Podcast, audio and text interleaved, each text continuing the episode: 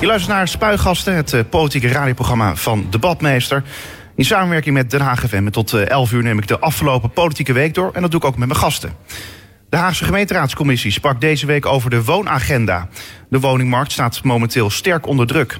Met name huishoudens met een midden- of laag inkomen hebben veel moeite om in Den Haag een geschikte woning te vinden. De komende jaren neemt de gemeente extra maatregelen om deze druk te stabiliseren en laten afnemen. Deze extra maatregelen worden beschreven in de woonagenda voor de komende vier jaar. Maar zijn deze maatregelen ook voldoende? In Spuigasten gaan William de Blok van Hart voor Den Haag Groep de Mos en Martijn Balster van de PvdA in debat. Alle geschikte daken in Den Haag moeten groen of wit worden. Dat staat in het duurzaamheidsvoorstel Schone Energie in een groene stad... dat het stadsbestuur woensdag heeft gepresenteerd. Als ze niet groen of wit zijn, moeten de daken zonnepanelen of zonneboilers hebben. Wat betekenen deze plannen voor de inwoners en ondernemers van Den Haag? Wethouder Liesbeth van Tongeren is de gast in Spuigasten. Van GroenLinks, goedemorgen. Goedemorgen. Was het een drukke week, politieke week? Ja, elke week is druk, maar een week is zo druk als je hem zelf wil maken. Ik heb bijna overal belangstelling voor, dus dan uh, wil ik graag geïnformeerd worden. En ik ben ook heel erg geïnteresseerd in het mooie culturele aanbod in Den Haag. Dus ik ga ook graag naar een voorstelling in het Zuiderstrandtheater of in Corso. Dus, dus dan ben je vanzelf druk. En deze week ook nog iets cultureels gedaan in die zin? Deze week vooral Internationale Vrouwendag gisteren. Onder andere een hele mooie fototentoonstelling. En ook, er werd ook heel mooi muziek bij gemaakt... over vrouwen die zich inzetten voor vrouwenrechten in uh, Oeganda. Dus dat is, een, uh, ja, dat is iets anders dan je inzetten voor vrouwenrechten in Nederland.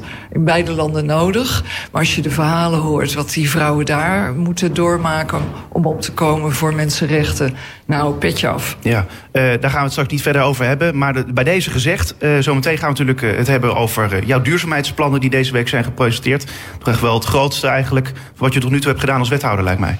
Dat is absoluut het grootste wat ik gedaan heb. En je had het net over die woonagenda.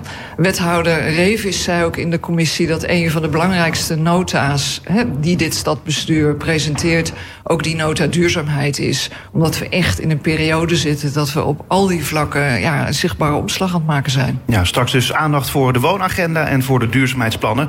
Maar eerst even de, een overzicht van de politieke ontwikkelingen van deze week. Het politieke weekoverzicht. En dan beginnen we bij maandag 4 maart. Het is uitgesloten dat Pegida alsnog kan demonstreren bij de Asuna-moskee in Den Haag. Gezien de sfeer van provocatie en confrontatie waarmee de demonstraties zijn omgeven, moet de politie rekening houden met ernstige wanordelijkheden, zegt een woordvoerder van burgemeester Pauline Krikke. Dan biedt de betreffende locatie voor de Asuna-moskee nauwelijks werkruimte voor de politie in geval van ongeregeldheden. Ja, Lisbeth Vertongeren, als je dit nieuws allemaal zo hoort van wat er allemaal daar is gebeurd. Uh, ja, ook met die pop die, uh, die daar is opgehangen bij de Asuna Moskee. Ja, wat vind je daarvan?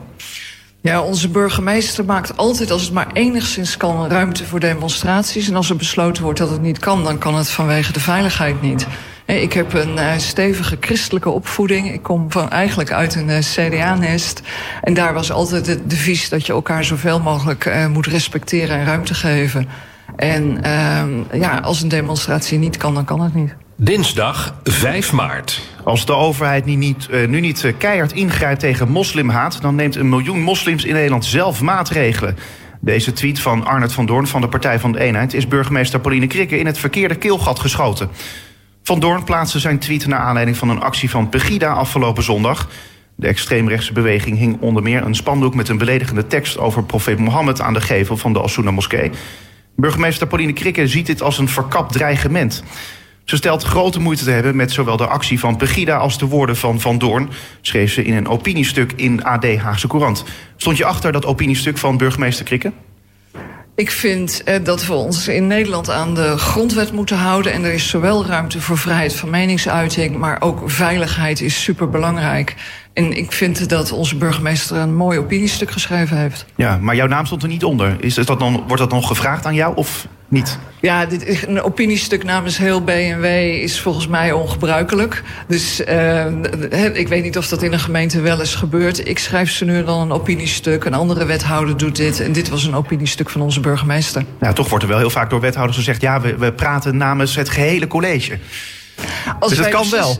Als wij beslissingen nemen, is dat... Hè, we hebben collegiaal bestuur. Ik, zal, ik ben jurist, maar ik zal je de hele uitleg verder besparen. Dus wij besturen de stad namens het hele college. Ja, dat klopt. Ja. Gaan we naar de volgende dag. Woensdag 6 maart. Ja, dat was natuurlijk de dag dat de klimaatplannen van eh, wethouder Lisbeth van Tongeren werden gepresenteerd. Maar daar gaan we het zo meteen eh, over hebben. Ander nieuws van die dag. Eh, De oppositiepartijen Partij voor de Dieren, CDA, PvdA, PVV, NIDA en ChristenUnie SGP zijn eh, hard gebotst met de Haagse burgemeester Pauline Krikke over de communicatie naar de vonkenregen op Scheveningen. De fracties geloven niet dat Krikke eerlijk is. De Haagse Stadspartij noemt haar antwoorden vaag. Ja, Lisbeth van Tongeren, wat zou ik aan jou hierover kunnen vragen? Ik vind het verstandigste dat wij wachten tot het rapport van de OVV. Dat heeft eh, Frits Wester ook hier eerder netjes betoogd. Er komt een heel grondig onderzoek waar alles eh, goed in volgorde gezet wordt. Een goede tijdslijn en ook een goede verhouding tot wat we aan wet en regelgeving hebben. Wacht dat af en laten we dan een, een groot debat hebben. Maar ja, ik ga daar niet over. De raad is mijn baas. Zij besluiten welke debatten zij willen hebben. Ik ben uh, ja, gewoon benieuwd naar het uh, onderzoek uh, van de onderzoeksraad. Ja, dat zijn we allemaal. Donderdag 7 maart. Het merendeel van de Nederlanders maakt zich zorgen over de opwarming van de aarde.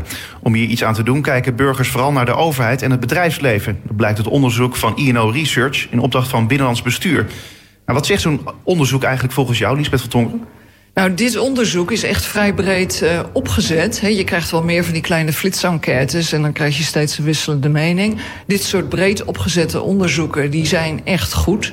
En dat betekent dus dat in Nederland de aandacht daarvoor nu echt duidelijk aanwezig is. Dat duurde wel even. Wij liepen als Nederland in Europa wel een beetje achter. Maar nu heeft iedereen het erover. Hè. We hebben natuurlijk ook een extreem uh, warme zomer gehad met veel droogtes.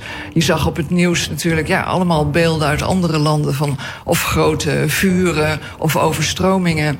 En uh, ik zeg het ook wel eens tegen mensen: kijk eens op de website overstroomik.nl. Dan kan je zien hoe ver jouw eigen huis onder zeeniveau staat.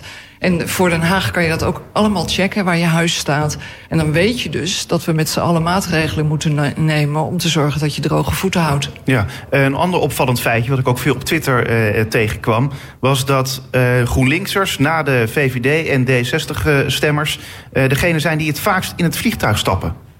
Ja, ik vind dat een beetje flauwe cherrypicking uit de feiten. Want als je kijkt van wie hè, als kiezersgroep veroorzaakt de meeste uitstoot... er zijn de groepen met het minste, is Partij voor de Dieren en GroenLinks...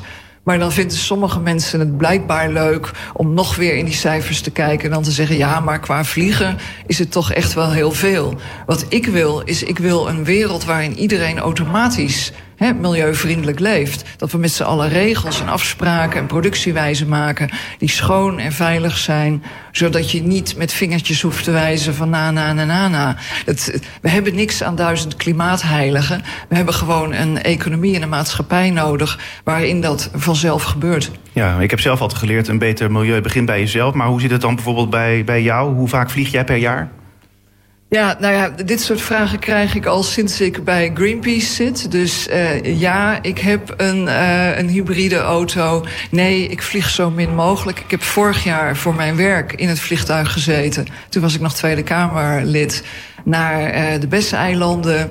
En ja, ik eet zo min mogelijk vlees. Maar ik winkel ook gewoon. Ben ik bij iemand op bezoek en is er vlees in de aanbieding, eet ik daar ook wat van. Ik geloof niet in een kleine groep hè, die helemaal, ja, helemaal klimaatheilig leeft. Ik wil juist dit mogelijk maken voor iedereen.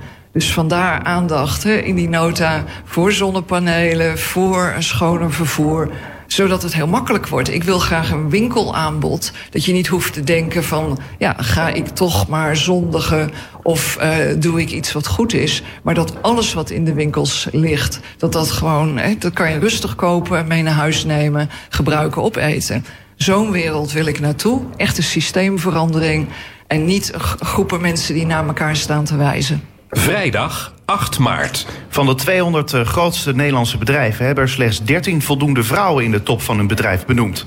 Minister Ingrid van Engelshoven van Emancipatie is er klaar mee dat concerns zich niet aan het wettelijk streefcijfer van 30% houden en nagelde hen op Internationale Vrouwendag aan de schandpaal. Uh, Lisbeth, sta je achter deze boodschap van Van Engelshoven? Ik uh, vind dat heel erg goed. En wat ik ook goed vind van uh, D66 in de regering is dat zij voor voldoende vrouwelijke bewindspersonen gezorgd hebben. Ons stadsbestuur is ook, het zijn negen mensen waarvan vijf man, vier vrouw. Dus dat is mooi in balans. Daarmee laten we in Den Haag zien dat dat heel goed kan. En dat dus soms moet je ietsjes harder zoeken, maar dat er ruim voldoende vrouwen zijn die de capaciteiten en de werkervaring hebben om deze functies uit te oefenen. En dat die nou, bedrijven ja, zo armzalig zijn. In het Engels wordt al gezegd, zo'n website met they can't get uh, a woman. Ze kunnen geen vrouw krijgen. Nou, ik daag de Nederlandse bedrijven uit. Jullie zijn slim genoeg en capabel genoeg om ook vrouwen in jullie raden van toezicht te krijgen. Ik hoop dat ze meeluisteren. Aan de slag. Ja. Zaterdag 9 maart. CDA-leider Sibran Buma wil dat er een nieuw soort banen wordt gecreëerd om mensen uit de bijstand weer aan het werk te krijgen. Met een zogeheten basisbaan zouden mensen ongeveer 20 uur in de week werken tegen betaling van 85% van het minimumloon. Buma pleit daarvoor in het AD vandaag. Ja, je bent natuurlijk geen uh, wethouder zoals uh, Bert van Alphen dat is. En natuurlijk ook Rachid Gernawi, die hierover gaan eigenlijk. Maar lijkt je het wel een goed idee? Ik las het vanmorgen ook. Ik heb er nog niet over nagedacht. Ik heb er nog niemand over gesproken. Ik heb eigenlijk geen idee. Maar mensen willen heel graag bijdragen aan de maatschappij. Of dat nou in vrijwilligerswerk is, een fulltime of een parttime baan. Er zijn ernstig weinig mensen die gewoon graag aan de zijkant van de maatschappij staan. Dus als er mogelijkheden zijn om meer mensen op een manier die voor hun haalbaar is te laten participeren, dan ga ik ervan uit dat we erachter staan, dit specifieke voorstel. Ik heb geen flauw idee, ik weet het gewoon nog niet. Oké, nou dan gaan we dat eh, nog verder volgen. En tot zover het weekoverzicht. Meer nieuws vind je natuurlijk op de website denhaagfm.nl. En zometeen praat ik verder met Liesbeth van Tongeren over haar duurzaamheidsvoorstel. Spuigasten. Alle geschikte daken in Den Haag moeten groen of wit worden. Dat staat in het duurzaamheidsvoorstel Schone Energie in een groene stad dat het stadsbestuur woensdag heeft gepresenteerd. Ja, als die daken niet groen of wit zijn, moeten de daken zonnepanelen of zonneboilers hebben. Wat betekenen deze plannen voor de inwoners en ondernemers van Den Haag? Wethouder Liesbeth van Tongeren, je hoorde al, van GroenLinks is de gast in Spuigasten. Ja, Liesbeth, het is het grootste plan dat je eh, sinds jouw wethouderschap in Den Haag hebt gepresenteerd. Geeft dat dan echt voldoening? Uh, dat, uh, pas na de, ja, eigenlijk dat, uh, geeft, geeft dat dan eigenlijk voldoening? Of pas na de vier jaar als alle plannen zijn uitgevoerd? Ja, ik ben altijd het blijst, maar dat had ik ook toen ik in de Tweede Kamer zat... en ook toen ik directeur van Greenpeace was... als er in de echte buitenwereld iets verandert. En uh, we hebben natuurlijk niet alleen maar een plan geschreven. We zijn ondertussen ook begonnen. Een van de dingen waar ik mee begonnen ben... is iedereen ondersteunen en helpen van hoe krijg je nou zonnepanelen op je dak.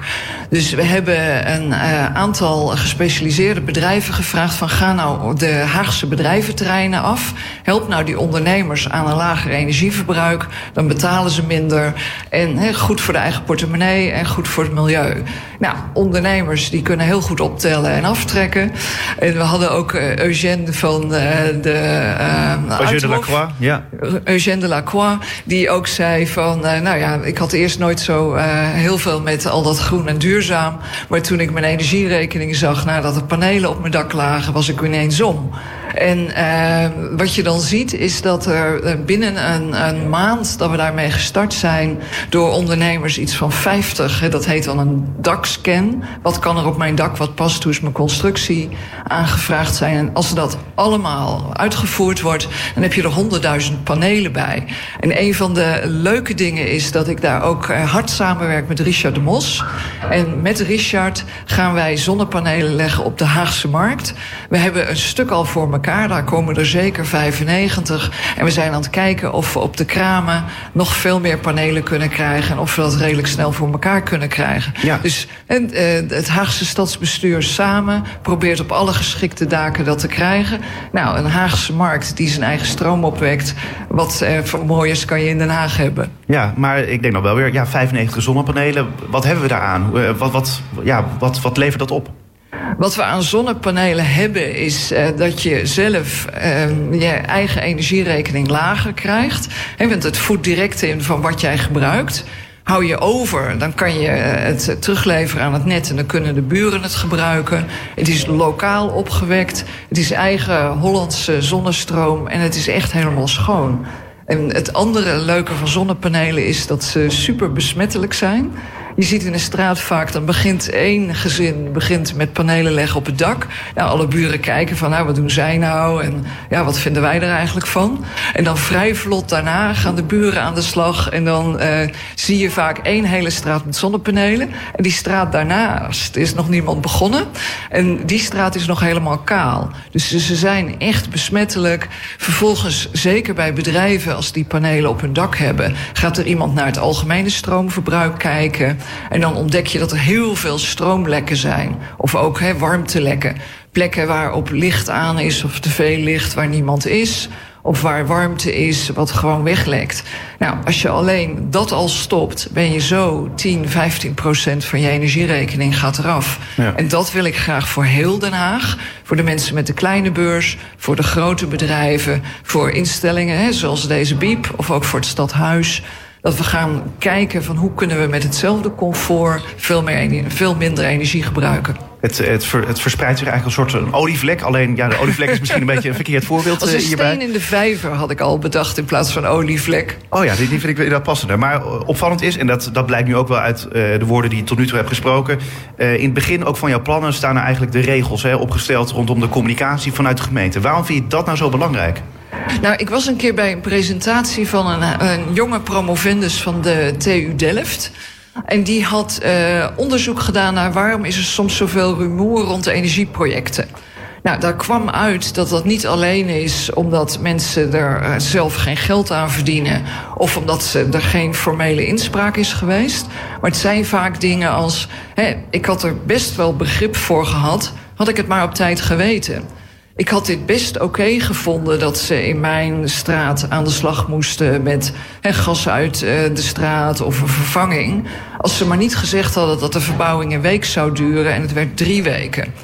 En ik had dit best oké gevonden als ik maar niet van de woningbouw had gehoord dat het zo geregeld was. Van Eneco weer iets anders en van de gemeente nog weer een ander verhaal. Dus het zijn vaak dingen in de omgang waardoor mensen op een gegeven moment op tilt slaan. Ja. Nou, dan denk ik, als we dat gewoon kunnen voorkomen. Nou, en de, de andere grote is, ik kan de informatie gewoon niet vinden.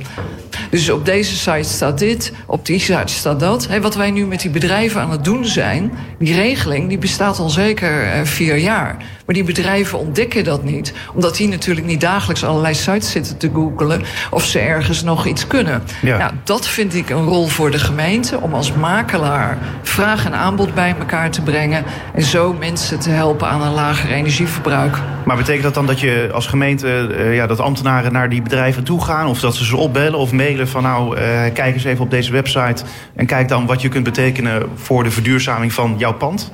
Ik denk dat iedereen zijn vak heeft en dat ambtenaren heel erg goed zijn in het maken van beleid en het kijken naar regels. Maar er zijn flink wat ondernemers in Nederland die net wat beter zijn in het maken van een verduurzamingsplan. Dat ook uitvoeren, installeren, zorgen dat dat met goede spullen gebeurt en he, ook zorgen voor het onderhoud.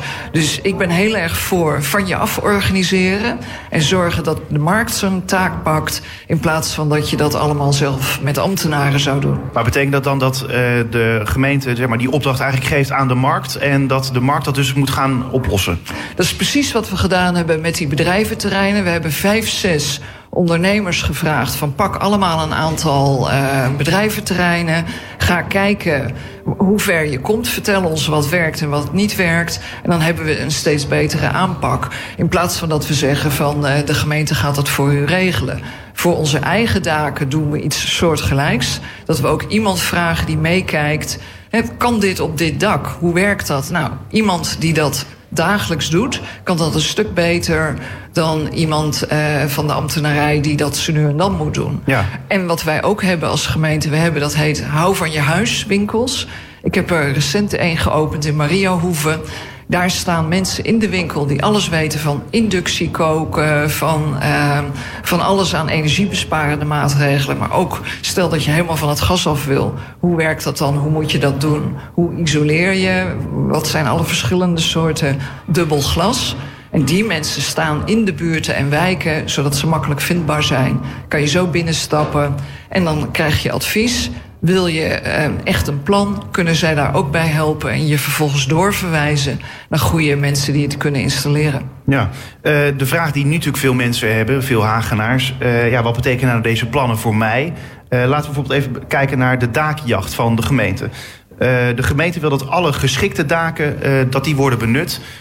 ja, maar aan geschikte daken, waar moet ik dan aan denken? Wat is een geschikt dak? Nou, een geschikt dak voor zon is er één die, waar niet veel schaduw overheen valt, die goed op de zon staat. Er is een zonatlas.nl, die, uh, waar wij mensen dus ook op willen wijzen. Kan je je eigen dak even checken.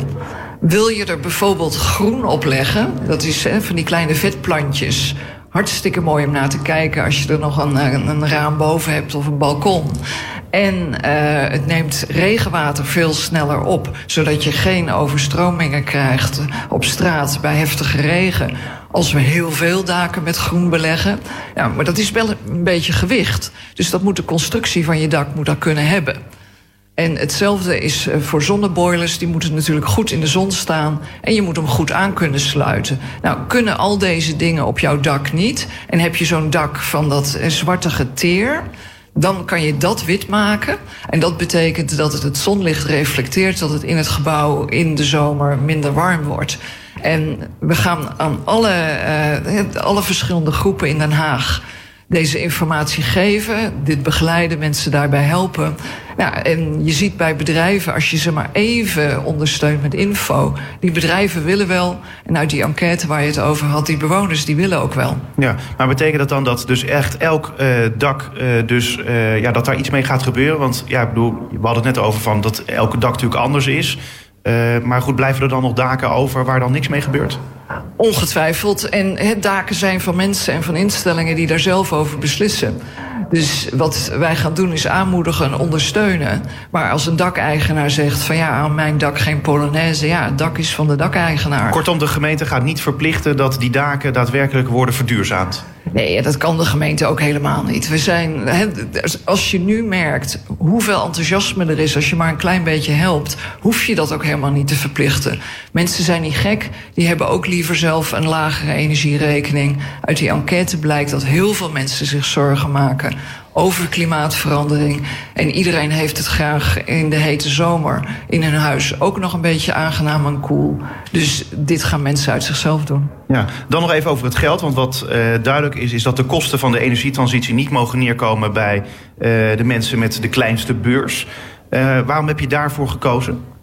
Ik vind echt dat je, dat is misschien ook nog een beetje mijn uh, christelijke opvoeding, de uh, breedste schouders moeten de zwaarste lasten dragen. Dus je kan niet zeggen mensen die toch al financieel heel krap zitten, van uh, jij moet ook nog maar geld zien te vinden voor dit type maatregelen. Dus een van de dingen die ik wil doen en dan moeten we eerst eens gaan proberen in hoeverre dat echt goed werkt.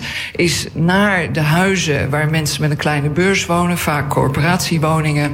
En daar echt met een team heen. Met een waterbesparende douchekop, met radiatorfolie, met deurdrangers, met tochtstrips. He, allemaal van die hele simpele dingen die iedereen kent. Maar niet alleen dat aan die mensen geven, maar ook helpen met het installeren. Want als jij een kleine beurs hebt, heb je vaak heel veel aan je kop. Dan heb je vaak heel veel zorgen. En heb je ja, niet altijd ook nog tijd en zin om een hele zaterdag uh, al dit soort spullen op te gaan hangen. Nee. Dus we willen mensen daar echt bij helpen. Dan zien ze dat hun energieverbruik naar beneden gaat. En dat scheelt als je een kleine beurs hebt, is zelfs een tientje in de maand, is echt geld. Dus dat is een van de dingen die ik wil gaan doen. Ja, de, de breedste schouders uh, dragen de zwaarste lasten. Dat zal de Partij van de Arbeid aanspre aanspreken. Uh, maar wat de PvdA niet aanspreekt, bij monden van Janneke Holman, die maakt zich eigenlijk zorgen dat het grootste deel van de plannen in de nieuwe nota pas kan worden uitgevoerd na de verkoop van de Eneco-aandelen. Zij zegt er is nu actie nodig als we in 2030 klimaatneutraal willen zijn. Tegen de tijd dat het Eneco-geld vrijkomt, dan zijn we en een paar jaar verder. En er zit al bijna een nieuw college, zegt ze in het AD. Wat vind je van die kritiek? Nou, ik zie het eigenlijk als steun in de rug. Want ook ik wil enorm tempo maken. En uh, wat zo fijn is bij deze nota is dat het stadsbestuur heeft gezegd, het college heeft gezegd ondanks dat het een redelijk krappe begroting is, dat er 9 miljoen extra beschikbaar komt voor energietransitie en duurzaamheid. Dus dat vind ik een enorme steun in de rug van het college. En niet alleen woorden, maar ook echt daden. Dus dat betekent dat we nu al in de versnelling kunnen. Als de Eneco-aandelen verkocht zijn, is er opeens heel veel geld. Nou, dat is belastinggeld en dat wil je zo zinnig mogelijk uitgeven. Daarvoor heb je voorbereiding nodig. Dus we gaan ook op kleine schaal, hè, bijvoorbeeld een aantal huizen helemaal renoveren naar nul op de meter. Een aantal huizen misschien helemaal op elektrisch. En er zijn een heleboel buurtinitiatieven in Den Haag die openstaan voor een, ja, een pilot op een kleinere schaal, maar wel in de echte werkelijkheid. Hebben we dat voor elkaar, dan kunnen we, als de Eneco-gelden zijn, ook echt ineens, en dan mag je natuurlijk geen gas geven zeggen, maar dan kan je opeens echt meters maken, omdat eh, je dan al oefeningen gedaan hebt. Heb je alleen maar papieren plannen en opeens komt er heel veel geld binnen, ja, dan moet je die pilotfase toch ook nog door. Ja, uh, dan nog iets anders. Uh, Joris Wijsmuller van de Haagse Stadspartij... die mist duidelijkheid over welke voertuigen straks wel of niet uit de stad kunnen worden uh, geweerd. ook lees ik weinig over hoe we het beste kunnen omgaan met voedsel.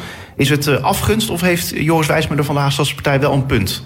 Nou, ik bouw voort op heel goed werk wat eh, Joris Wijsmuller uh, inderdaad geleverd heeft. Want hij was wethouder van duurzaamheid ook? Hij was wethouder van uh, het milieu. Ik weet niet precies hoe de portefeuille toen in elkaar zaten. Maar hij is wel uh, zeker bezig geweest ook met zonnepanelen op daken.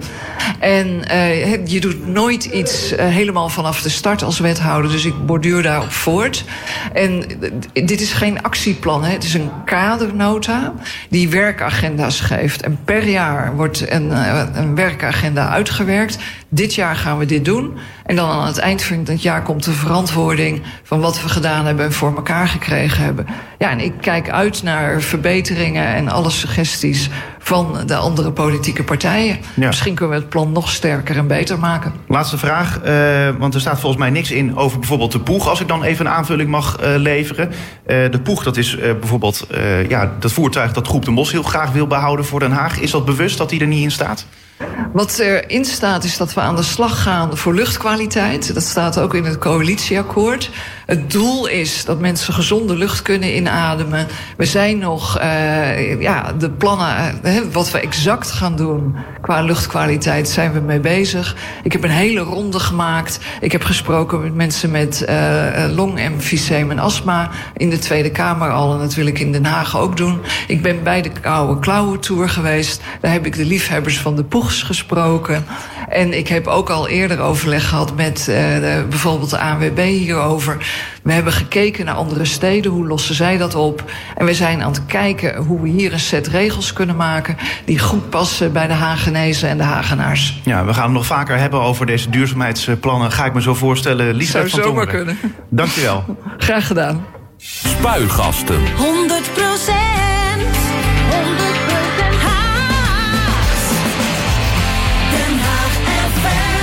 Je luistert naar Spuigasten, het politieke radioprogramma van Debatmeester hier op deze zender. Live vanuit de Centrale Bibliotheek uh, ja, gaan we het hebben over uh, de woonagenda. Want de Haagse gemeenteraadscommissie die sprak deze week daarover. De woningmarkt staat momenteel sterk onder druk. Met name huishoudens met een midden- of laag inkomen hebben veel moeite om in Den Haag een geschikte woning te vinden. De komende jaren neemt de gemeente extra maatregelen om deze druk te stabiliseren en te laten afnemen. Deze extra maatregelen worden beschreven in de woonagenda voor de komende vier jaar. Maar zijn deze maatregelen ook voldoende? In Spuigastes gaan uh, William de Blok van Hart voor Den Haag, Groep de Mos... en Martijn Balster van de Partij van de Arbeid in debat. Althans, goedemorgen beiden. Goedemorgen. Of echt een debat wordt, dat, uh, dat gaan we zo meteen uh, meemaken.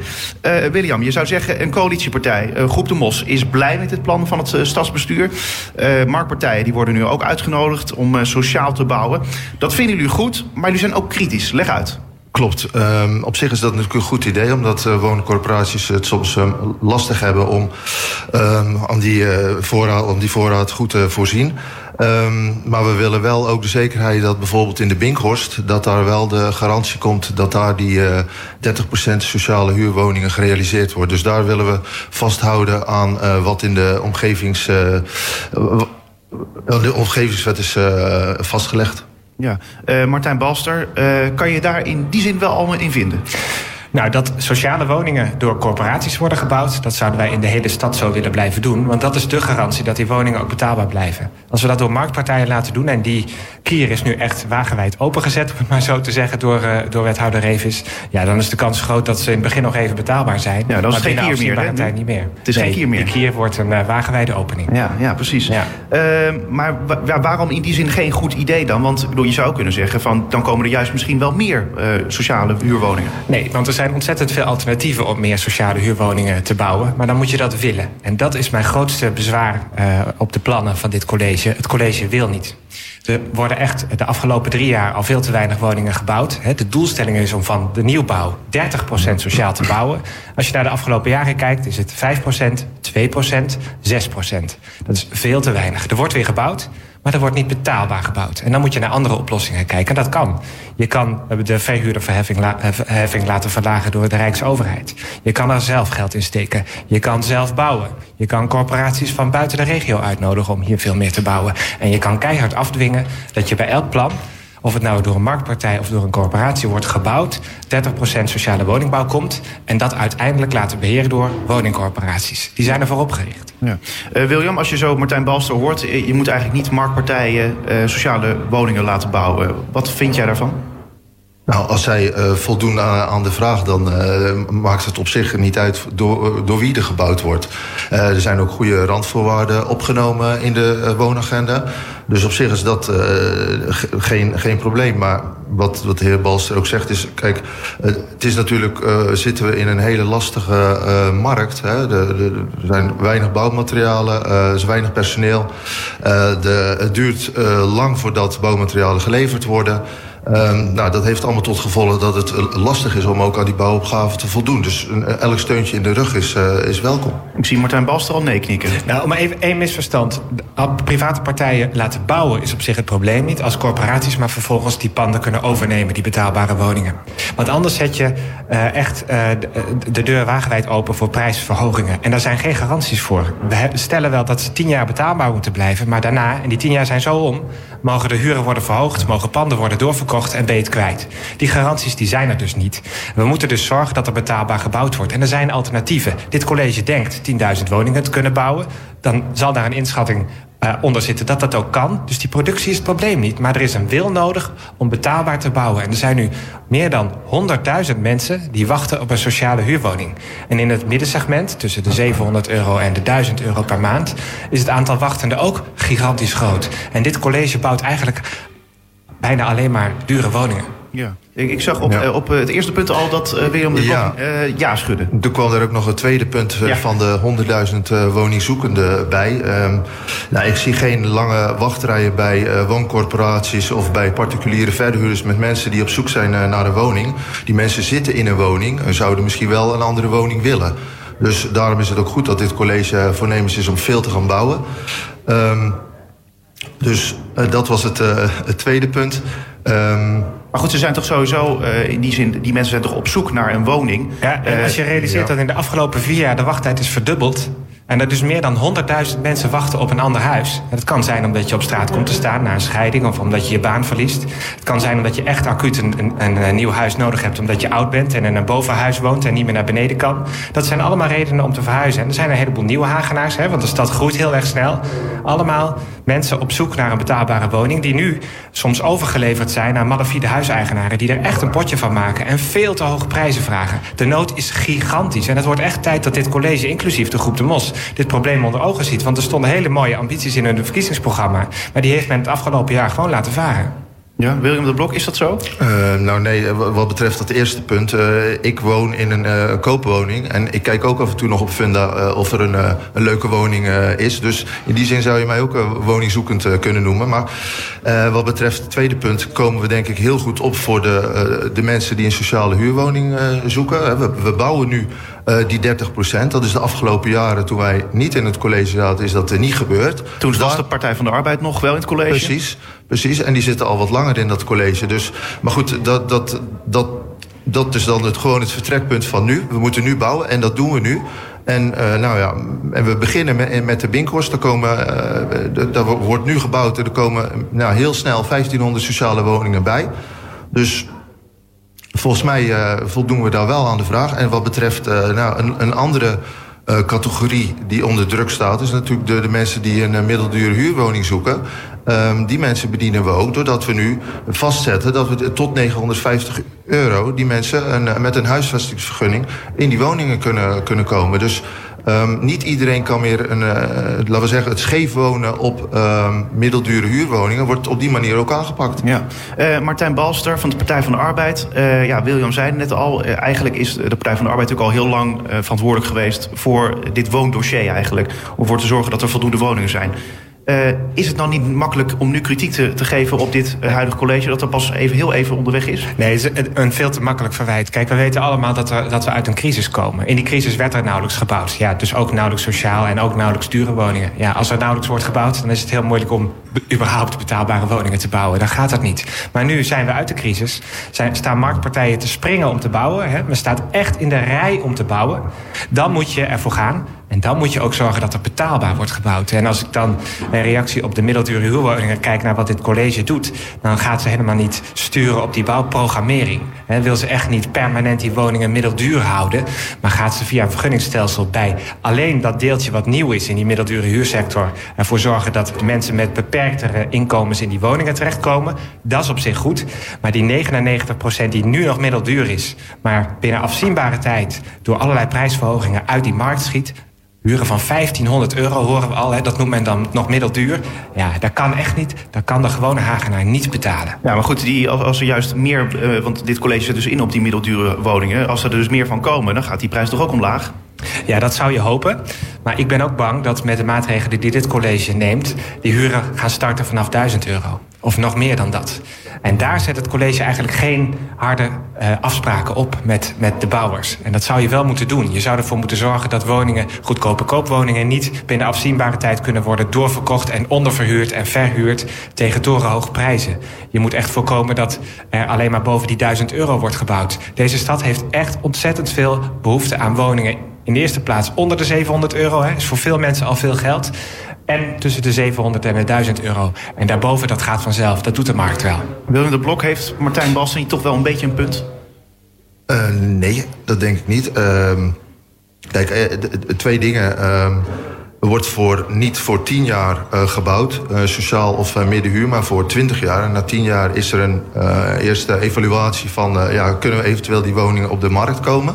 Dus het uitgangspunt is 20 jaar. Nou ja, en nou, in Binkhorst willen we dus al die uh, toegelaten instelling, die wooncorporaties laten bouwen. Dus dan blijft het ook na 20 jaar nog uh, sociaal.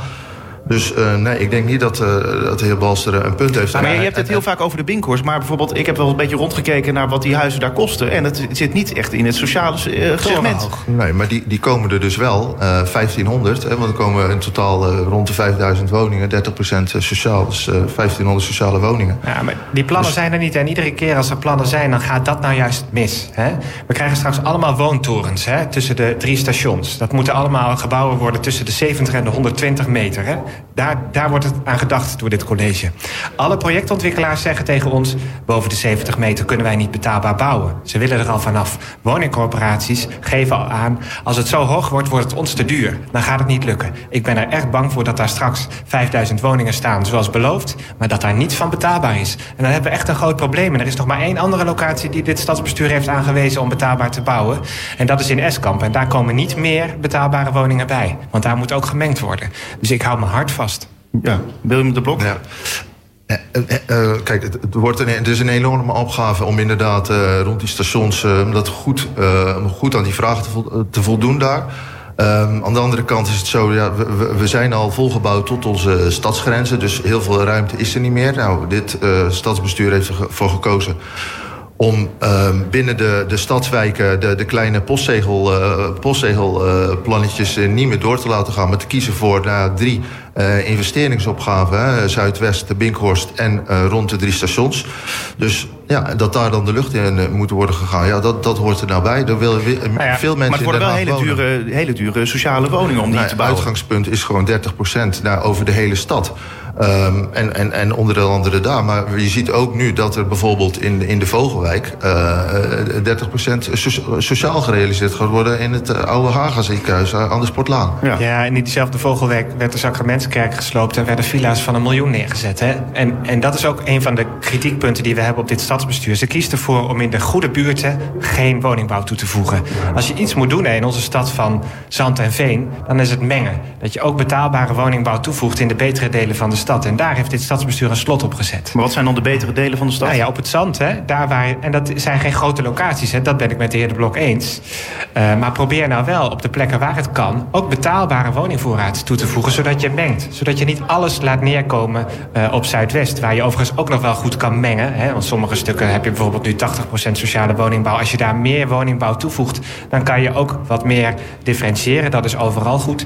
Maar er zijn gewoon te weinig locaties. En ik ben heel erg bang dat we, als we ons alleen maar concentreren op dat hele dure centrum dat er straks alleen maar woningen uh, staan die voor de meeste Hagenaars volslagen onbetaalbaar zijn. Ja, we zagen laatst al dat bijvoorbeeld de plannen rondom uh, het spuikwartier hier zo, uh, dat daar bijvoorbeeld de sociale huurwoning worden geschrapt. En dat zegt de, de ja. wethouder van ja, je, je, kunt er juist veel meer kwijt op een wat andere locatie, bijvoorbeeld richting nou ja, meer buiten het centrum. Ja, en die plannen die zijn er dus niet, hè? En dus dat is wel een heel makkelijke redenatie. Ja, terwijl, nog niet dan, hè? Terwijl wij hebben met het stadsbestuur destijds heel hard afgesproken dat ook in het centrum 30% sociaal zou zijn.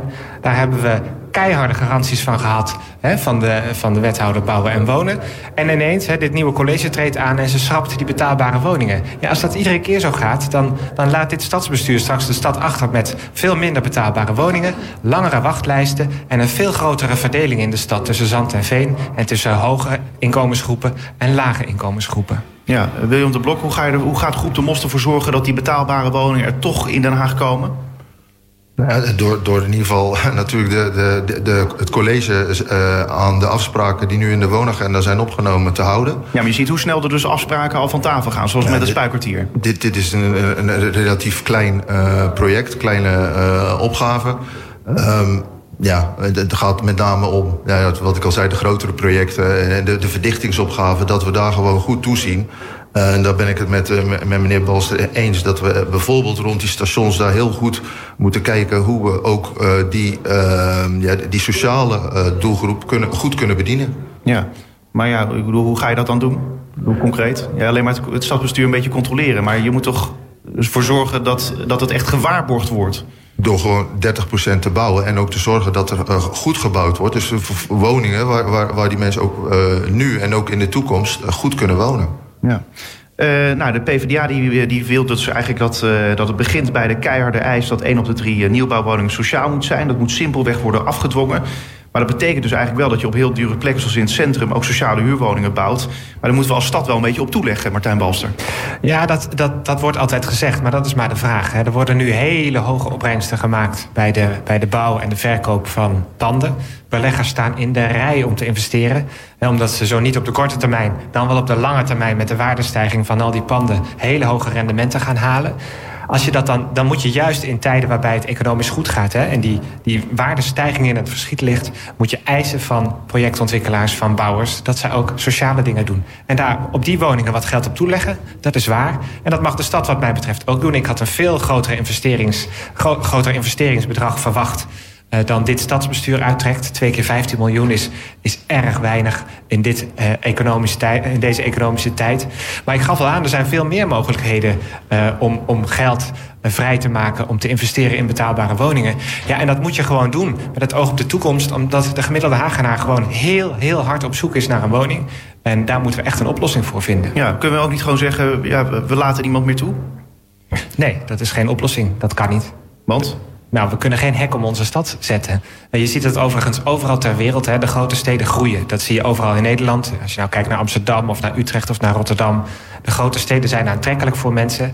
Daar vinden mensen kansen op werk. Uh, en wij moeten ervoor zorgen dat die mensen die kansen ook daadwerkelijk kunnen pakken. Ja. En dat ze op die roltrap kunnen stappen en naar boven kunnen gaan.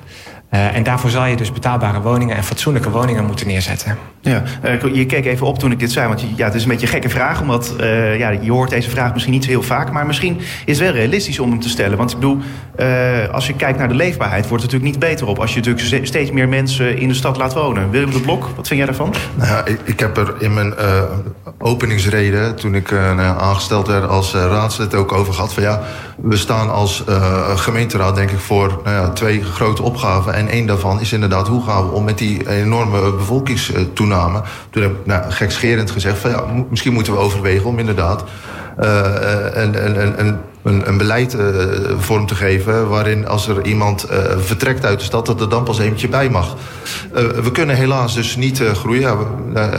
de stadsgrenzen zijn, tot de stadsgrens is er volgebouwd. Ja, en dat maakt ook dat we soms uh, gewoon ja, um, lastige keuzes moeten maken. Zoals ja, nu dus rond die stations uh, gaan bouwen. En wat het gekke is wat we doen. Hè? Uh, mensen die naar de stad komen en hoog opgeleid zijn en, en goed, goed verdienen... die accommoderen we volop. Hè? Door, door precies die woningen te bouwen die voor die groepen met, met de hoogste inkomens interessant zijn. En voor mensen die hier gewoon komen om, om hard te werken en een bijdrage te leveren... en een mooie toekomst voor, voor het gezin te stichten of voor een persoonlijke toekomst te stichten... die laten we links liggen. Uh, ik verwacht zo'n zo'n vraag, en hebben we ook in de Raad wel gekregen... zet een hek om de, om de stad heen van de PVV. die, die hebben die stelling. Maar het is echt niet realistisch om dat te doen. Wat we wel kunnen doen, is ook regionale afspraken maken. Of de minister vragen om bouwproductie af te dwingen. dat kan wat mij betreft wel veel meer. Want als alle omliggende gemeenten vervolgens niets doen aan betaalbare woningvoorraad... Ja, dan dan, Den Haag kan het niet alleen, om het maar zo te zeggen. En, en dat, daar schort het ook nog wel een beetje aan, wat mij betreft. Ja, eh, een beetje alles tezamen genomen. We praten natuurlijk heel de tijd over de huidige situatie van de woningmarkt. Maar het probleem is eigenlijk, ja, de woningen die staan er pas over enkele jaren. Ja. Uh, en dan is de situatie weer heel erg anders. Dus ja, niemand kan toch in de toekomst kijken. Dus frustreert jullie dat een beetje, William? Ja, natuurlijk. En daarom denken we, is, is het ook goed om uh, na tien jaar eens te evalueren. Hè? En, uh, ja. en ook om uh, aantal punten niet in beton te gieten, maar een beetje flexibel te houden. Um, nou, bijvoorbeeld die, die, die onmisbare beroepsgroep. Hè, dat haakt een beetje aan ook het punt wat, uh, wat de heer Balsten net maakte. Van, we, in mijn optiek uh, faciliteren we hiermee wel uh, een, een bepaalde vraag die de stad heeft. Hè, door mensen die heel belangrijk zijn, zoals leraren. stond vandaag weer in de krant. sommige scholen, middelbare scholen, moeten klassen vrij afgeven omdat ze geen leraar kunnen vinden. Dat we die mensen faciliteren om hier in de stad te komen wonen. In betaalbare huurwoningen die ook betaalbaar blijven. Ja, uh, Martijn Balster, laatste puntje op. Nou, dit zijn we natuurlijk eens. Uh, mensen die, uh, onderwijzers, politieagenten, moeten voor de klas komen. Maar wat ja. dit stadsbestuur is, doet, doet, is deze mensen voortrekken op de loodgieter en de verpleegkundige. En dat vind ik dus weer zo fout. Hè? dit zijn zeer waardevolle beroepsgroepen die je een plek kan geven, bijvoorbeeld in de middeldure huursector. Geef ze daar voorrang. Als ze uit een sociale woning komen naar een middeldure huurwoning, geef ze voorrang. Maar ga niet de, weer de, de beste groepen in de sociale huursector opzetten tegen de mensen die het nog moeilijker hebben in de stad. Ja, dan los je geen problemen op. Zorg nou dat je voldoende betaalbare woningen bouwt, dan kom je een eind. Ja, ik kom, ik kom uh, tot de conclusie dat we hier uh, nog vandaag niet uitkomen. En dat we ook nog de komende tijd natuurlijk veel over nog zullen bespreken. Zeker. Uh, maar toch was het fijn dat we hierover het konden hebben. Willem de Blok van Hart voor Den Haag, Groep de Mos. Martijn Bouwster van de Partij van de Arbeid.